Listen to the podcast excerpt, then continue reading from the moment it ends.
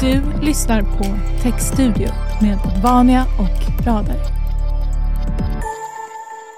Välkomna till ett eh, nytt avsnitt av Textstudion med Advania och eh, Radar. Eh, med mig idag har jag Johan Lindström. Du är ansvarig för Advanias pedagogiska erbjudande. Varmt välkommen. Tack så mycket. Ja, vem är Johan? Berätta lite om dig själv och hur du har hamnat på Advania. Mm. Jag har en bakgrund som lärare och eh, biträdande rektor från Sollentuna kommun. Där jag jobbade i 16 år tror jag det var. Och under tiden som jag jobbade där, någonstans 2010 till 2013, så gjorde man en stor satsning på digitalisering. Där alla elever skulle ha varsin digital device, det vill säga ett till ett. Och eh, under tiden som vi jobbade med det så hade vi Caperio Skolpartner som leverantör. Och då Angelica som jobbade där och kom till oss och jobbade med vår personal. Och då såg hon att jag hade ganska god kunskap om det här och tyckte att det, min kompetens kunde komma till rätta på ett sånt bolag som Skolpartner. Mm. Så hon frågade om jag ville bli konsult.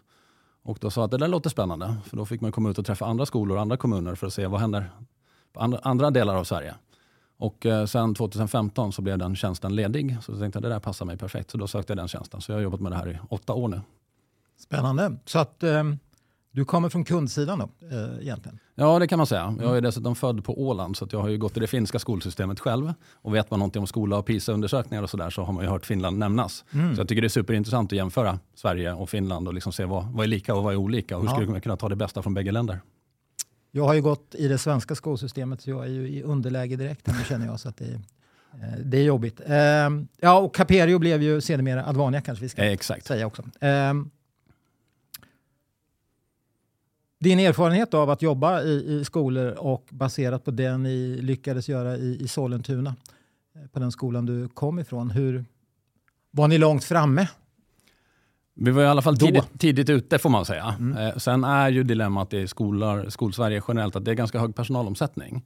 Så de flesta kommuner som kommer en bit får sen göra lite omtag när det kommer mycket ny personal och sådär. Så det handlar inte bara om att liksom driva den gruppen man har just här och nu framåt och utvecklas utan även fånga upp ny personal som kommer in från lärarutbildningen. För lärarutbildningen var ju ganska sen på, på den här pucken när det gäller digitalisering överhuvudtaget. Så man har fyllt på med lärare underifrån som har utbildat sig till lärare men som inte har lärt sig så mycket om just digitalisering i skola. Och sen Nej. kommer man ut till en klass där man kanske då har 30 devices i klassrummet och inte riktigt vet vad man ska använda de prylarna till. Precis.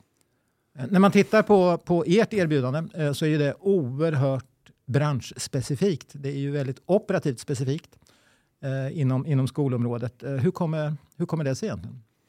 Ja, alltså egentligen orsaken till att Skolpartner och den avdelningen startade från första början var det att man hade jobbat mycket mot företag och så började man jobba mot en skolkoncern, en friskolekoncern. Och så insåg man att det jobba med företag och jobba mot skola, det är två helt olika saker.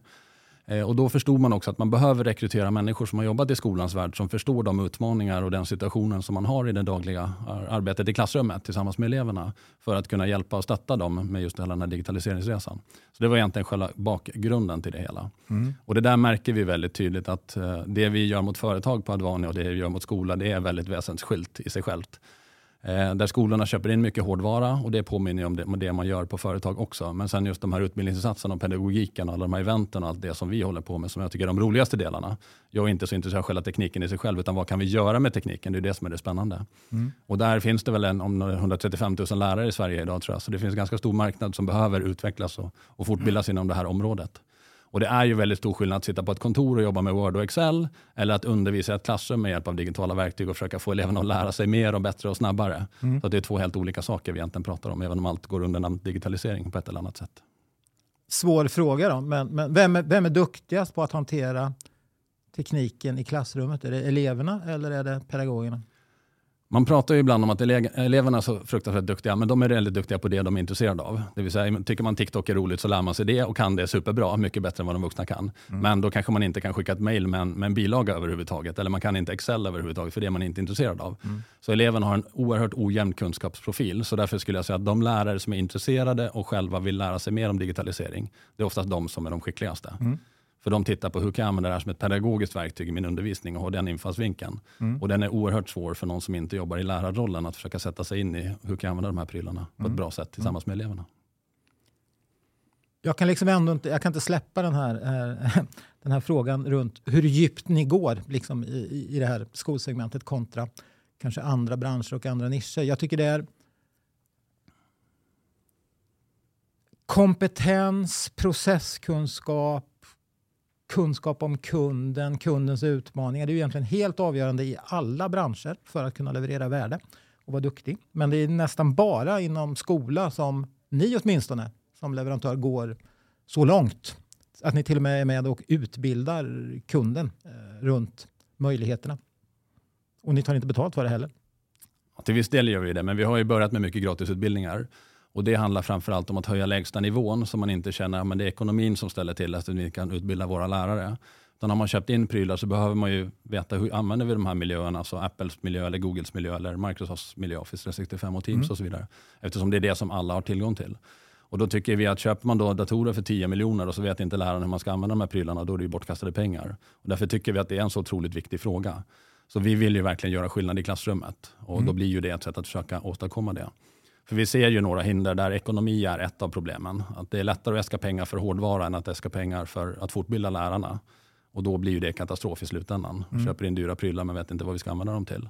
Precis. Eh, men tiden är också ett bekymmer. Så även om det finns en vilja så är det svårare och svårare att få loss personalen, både rektorer och lärare, till fortbildningsinsatser. Så det är väl det vi brottas mest med för tillfället. Att mm. Hur ska vi lösa det rent praktiskt så att vi får den här fortbildningen till de personer som behöver det, men utan att de känner att det blir för mycket och att mm. de inte hinner med det. Mm. Här skulle ju jag i alla fall säga då som, som analytiker att, att ni, ni ligger något steg före en hel del andra eh, branschinriktade eh, satsningar och, och tjänsteutvecklingar hos, hos många eh, it-leverantörer. Så det, det, det är med beröm godkänt tycker jag. Det är kul att höra. När jag, när jag tittar på Förstås. det. eh, du nämner ju att ni arbetar med, med pedagogernas kompetens, men så vitt jag förstår också så jobbar ni ju med det som pedagogerna använder sig av där ute också, det vill säga skolmaterialet. Och ni utvecklar eh, även det åt era kunder. Ja, till viss del. Det, digitalisering i skola är ju oerhört komplext. De flesta skolor har väl mellan 15 och 20 olika digitala system som de använder sig av. Allt ifrån närvarorapportering och schemaläggning till att eleverna ska finnas i de digitala systemen. Och det här har egentligen inte med själva undervisningen att göra överhuvudtaget. Eh, och sen har vi de här miljöerna som jag pratade om. Då. Inom vissa av dem så har vi sett att man har inte riktigt förstått vad man redan har tillgång till när man köper in de här prylarna. Så om vi tar ett konkret exempel. Och så om man köper en iPad så finns det en massa inbyggda funktioner. Men när iPads först kom in i skolans värld så ville man ladda ner massor med appar. Det finns en App Store med miljoner appar. Mm. Och då blir det ganska naturligt att man vill plocka hem de här och så använder man dem en gång eller två och sen blir det inget mer. Men då har man inte riktigt tänkt på det att det finns en massa inbyggda funktioner som vi borde lära oss först. Och det är samma sak om jag jobbar i Google-system eller i Microsoft-system så finns det en massa inbyggda funktioner där också. Och Många av de här inbyggda funktionerna som finns de är väldigt bra för elever som har särskilda behov. Mm. Till exempel NPF-elever. Mm. Som behöver en tydligare struktur, behöver hjälp med, vissa elever behöver hjälp med läsa och skriva eller språket om man inte kan svenska tillräckligt bra. Och Då finns det ju redan en massa inbyggda funktioner som är otroligt bra för att använda just de situationerna. Mm. Så där har vi försökt profilera oss lite grann genom att ta fram de material som vi ger ut gratis och som adresserar en del av de här problematiken. Att Lär dig det som finns inbyggt först och sen se vad har jag mer behov av. Ja, men då behöver du skaffa ett program eller en app som inte redan har tillgång till och så adderar du den till det som redan finns inbyggt. Men när man inte kan det som finns inbyggt och efterfrågar alla de andra sakerna, då får man en oerhört komplex situation där det är svårt att säkerställa att de som, som jobbar i verksamheten har den kompetensen som behövs för att kunna använda de här programmen på ett bra sätt i ett undervisningssyfte. Mm. Inte rent tekniskt. Nej, nej. Det pågår ju en, en, en, debatt om kvaliteten i svensk skola, eh, eh, även i det politiska eh, livet och det används ju som slagträ. Eh, och du nämnde själv att du har erfarenhet från, från det finska skolsystemet. Eh, baserat på din erfarenhet, då skulle du säga skiljer sig satsningarna på, på det digitala stödet, den digitala pedagogiken mellan Sverige och Finland till exempel? Det gör det absolut. Eh, det svenska systemet har ju valt att gå före där och Finland har avvaktat lite grann. Nu har ju Finland infört ganska många saker som man har gjort i Sverige och förhoppningsvis så gör man det på ett annat sätt än vad Sverige har gjort så man inte gör samma misstag som Sverige de facto har gjort. Mm. Eh, men Sverige har ju fått ett stort bekymmer med skolsystemet och det är svårt att styra det från centralt håll. Vi har 290 kommuner och dessutom alla fristående huvudmän. Vilket gör att när pandemin kom till exempel så såg man att det går inte att styra svensk skola eller svensk sjukvård från centralt håll. Och det blir ett bekymmer när man vill förändra och man vill höja kvaliteten. Men tittar man då på Sverige så, så McKinsey Company gjorde för länge sedan en studie där de tittade på alla de här internationella mätningarna. PIRLS, PISA, TIMS. Och så standardiserade de skalan så att man kunde jämföra resultaten med varandra för att se hur har Sverige presterat över tid. Och så har man gjort en femgradig skala då och då visar det sig att Sverige har legat på nivån good, vilket är den tredje av de här fem kvalitetsnivåerna, under en 30-årsperiod. Så det betyder i princip att vad vi än har gjort med svensk skola, vilka som har styrt den från centralt håll, vi har gjort friskolereformer etc. så har vi inte liksom hoppat varken uppåt eller neråt, utan vi har legat ganska konstant. Sen har vi rört oss lite uppåt och neråt i det intervallet. Men det betyder då att de har också tittat på vad behöver vi göra för att nå nästa nivå som då är great. Och det finns en massa saker som det svenska skolsystemet borde göra men som man inte har gjort som gör att ja, men vi ligger liksom i samma division om vi nu använder det mm, uttrycket. Mm, mm. Eh, I Finland däremot så har man ju presterat väldigt bra på de här internationella mätningarna men man har också även där sett att nu börjar det gå neråt.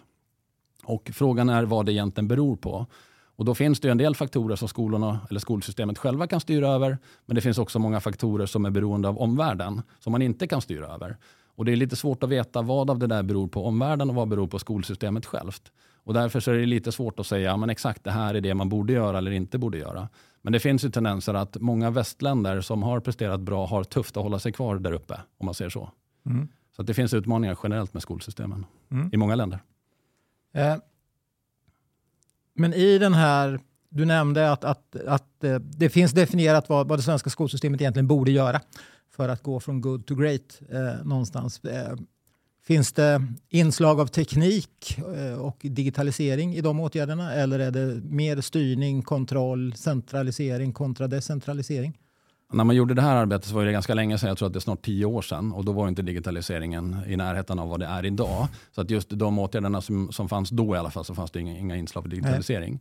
Men om jag tar ett, eh, ett exempel från Sverige nu då, om vi tar grundskolan så finns det bara två skolämnen i grundskolan av, skol, av 17 ämnen som finns i grundskolan. Där 70% eller fler av lärarna är behöriga.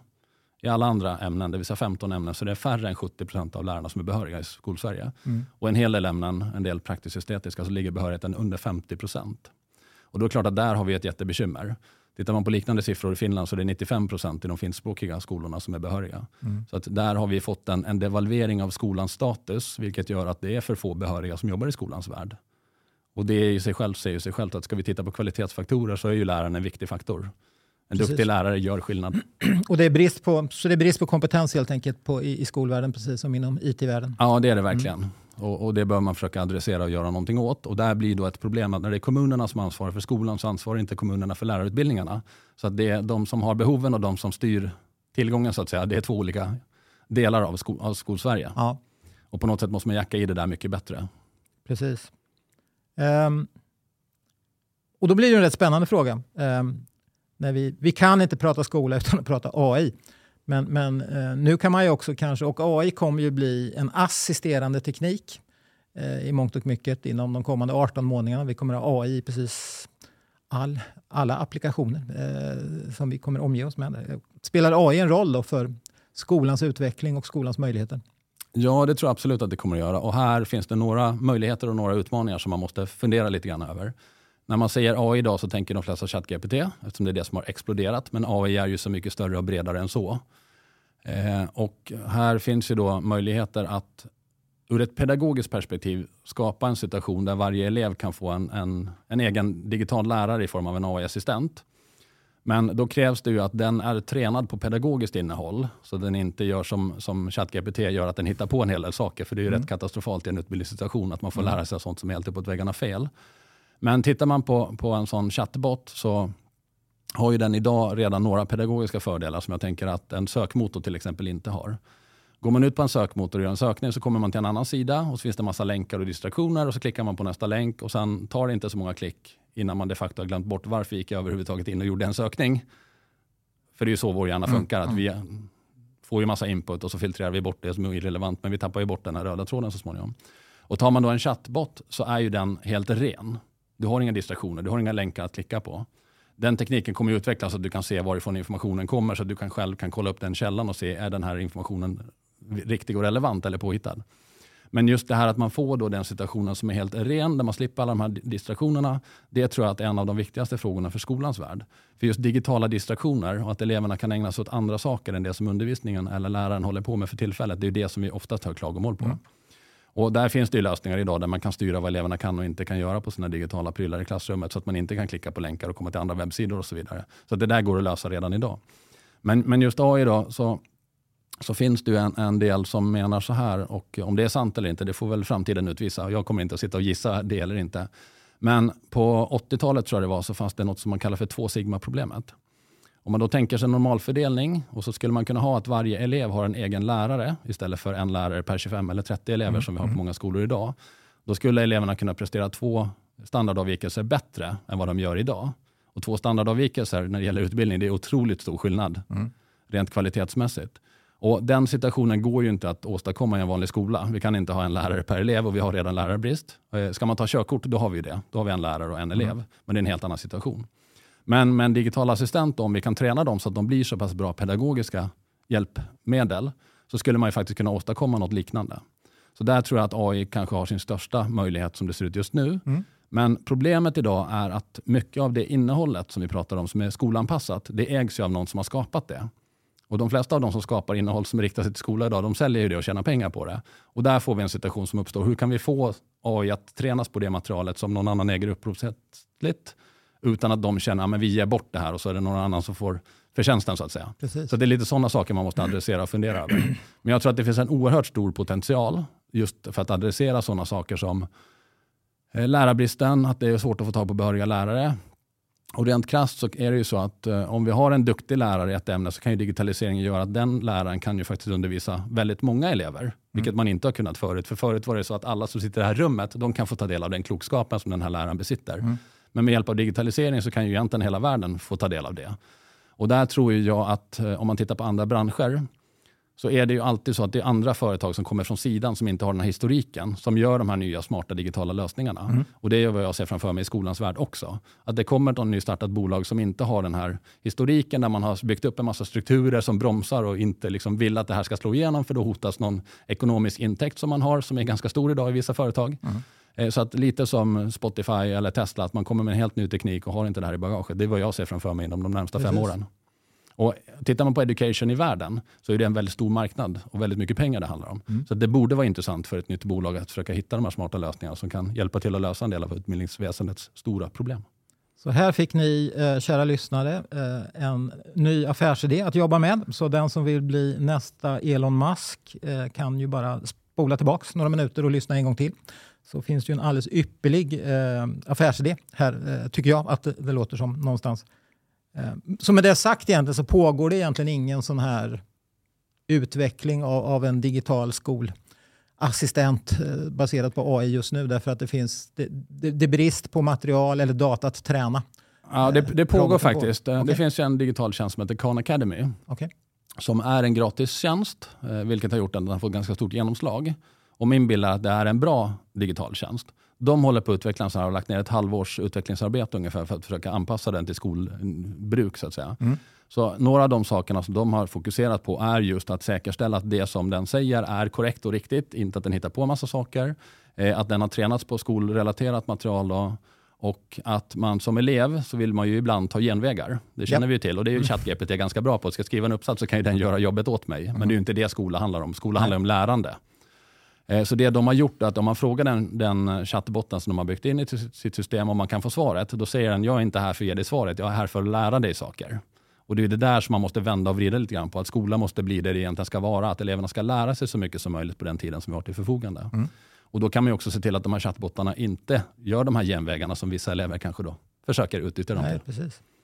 Men eh, Johan, du är ju en erfaren och vis man. Eh, hur, eh, eller vad anser du egentligen om när den digitala pedagogiken ska träffa våra barn? Är det i förskoleåldern? Är det före förskoleåldern? Är det i första klass? När ska man börja använda sig av digitala hjälpmedel i, i det förberedande skolsystemet eller i skolsystemet? Det där är en oerhört komplex fråga och vi vet ju idag att genom undersökningar som görs att eh, barnen blir yngre och yngre när de utsätts för den första skärmkontakten. Det vill säga föräldrarna håller upp en mobiltelefon som man kan hålla sig lugn med när man ska äta eller vad det nu kan vara. Eh, men det som jag tycker är intressant är att prata om bra och dålig digitalisering. Det som är bra digitalisering det ska vi göra mer av och det som är dålig digitalisering det ska vi sluta göra. Och Det spelar ju egentligen ingen roll om det är förskolans värld eller skolans värld. Eh, jag tror ju personligen att om man har god kompetens och god pedagogisk kunskap så då kan man identifiera vad som är den här goda digitaliseringen och när vi ska använda den. Och egentligen handlar det om att den ska tillföra ett mervärde. Och sen måste vi veta vilket mervärde tillför den. Mm. Och vet vi inte det, då måste vi göra små studier för att se, får vi ut det här som vi önskar? Och ser vi att ja, det funkar den här lilla studien, då kan vi skala upp den lite grann och sen när vi ser att det funkar där kan vi skala upp det ännu mer. Och så småningom kan vi göra det över hela Sverige när vi ser att det funkar bra. Precis. Funkar det inte däremot, då måste vi fasa ut det och testa något annat istället. Mm. Men till exempel tänker jag med en situation där man ska lära sig skriva. Och då vet ju vi att finmotoriken är ett problem för en del barn. Just när man ska hålla i pennfattningen och sådär. Medan om jag kan skriva grovmotoriskt på en touchskärm, då borde man ju kunna lära sig alfabet och skrivandet tidigare. Mm. För att sen så småningom gå över till papper och penna. Eller till penna på en digital skärm och så vidare. Så att jag tänker hela tiden att tillför det ett mervärde, då ska det användas. Och tillför det inte ett mervärde, då ska det inte användas. Mm. Eh, som det ser ut idag så är mycket av rekommendationerna som ges, de baserar sig på att barn blir väldigt stillasittande när de är framför en skärm. Och då är det egentligen stillasittandet som är problemet. Ja. Det vill säga vi måste få in mer rörelse i barnens liv så att de utvecklas till medborgare som rör sig varenda dag. Och där är det också intressant att det finns också digital teknik som kombinerar rörelse och att man är så att säga framför en skärm. Mm. Och den tekniken tycker jag personligen är bra och använder mig av en del sånt privat också. Så jag tycker att vi ska försöka hitta nya användningsområden också där vi försöker lösa de här problemen och inte skapa dem. Det vill säga skapa mer stillasittande, för det vet jag att det är inte bra. Precis. Ehm, vad tror du kommer utmana svensk skola mest de kommande åren? Jag tror att eh, vi kommer att ha samma problem som vi har idag egentligen. Och de två största problemen som jag ser det i svensk skola idag, det är ju bristen på behöriga lärare och att kostnaden för skolsystemet har ökat oerhört mycket de senaste 20 åren. Eh, medan kvaliteten, om man tittar på elevernas kunskaper, har inte ökat egentligen överhuvudtaget. Så att ett system som blir dyrare och dyrare gör att kommunerna idag, eller många kommuner i alla fall, egentligen inte har råd att bedriva skola så som den ser ut i dagsläget. Eh, nu är vi ju dessutom inne i en inflationsperiod där det blir ännu tuffare eftersom kostnaderna drar iväg. Men överlag så har det blivit så dyrt att bedriva skola på det här traditionella sättet som vi har. Så att jag tror att vi måste börja utmana det lite grann. Är det så här skola ska se ut i framtiden? Eller om svaret är nah, men om 30 år, eller 50 år, eller 20 år eller någon annan tidsperiod ska det se ut på ett annat sätt. Då måste vi börja ta de stegen i den riktningen så att vi så småningom kommer dit. Mm. Så att tyvärr är ju svaret att ekonomi styr oerhört mycket av det som sker i skolans värld idag, på gott och ont.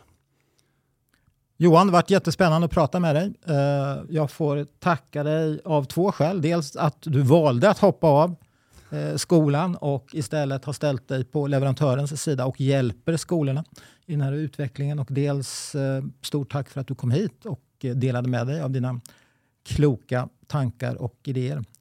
Tack själv. Det är oerhört spännande att se att ni har gått så djupt tycker jag, in i, i processerna eh, på, på kundsidan och att ni adderar sånt värde på det sättet som ni gör. Eh, och, eh, som skattebetalare är man rätt tacksam för det.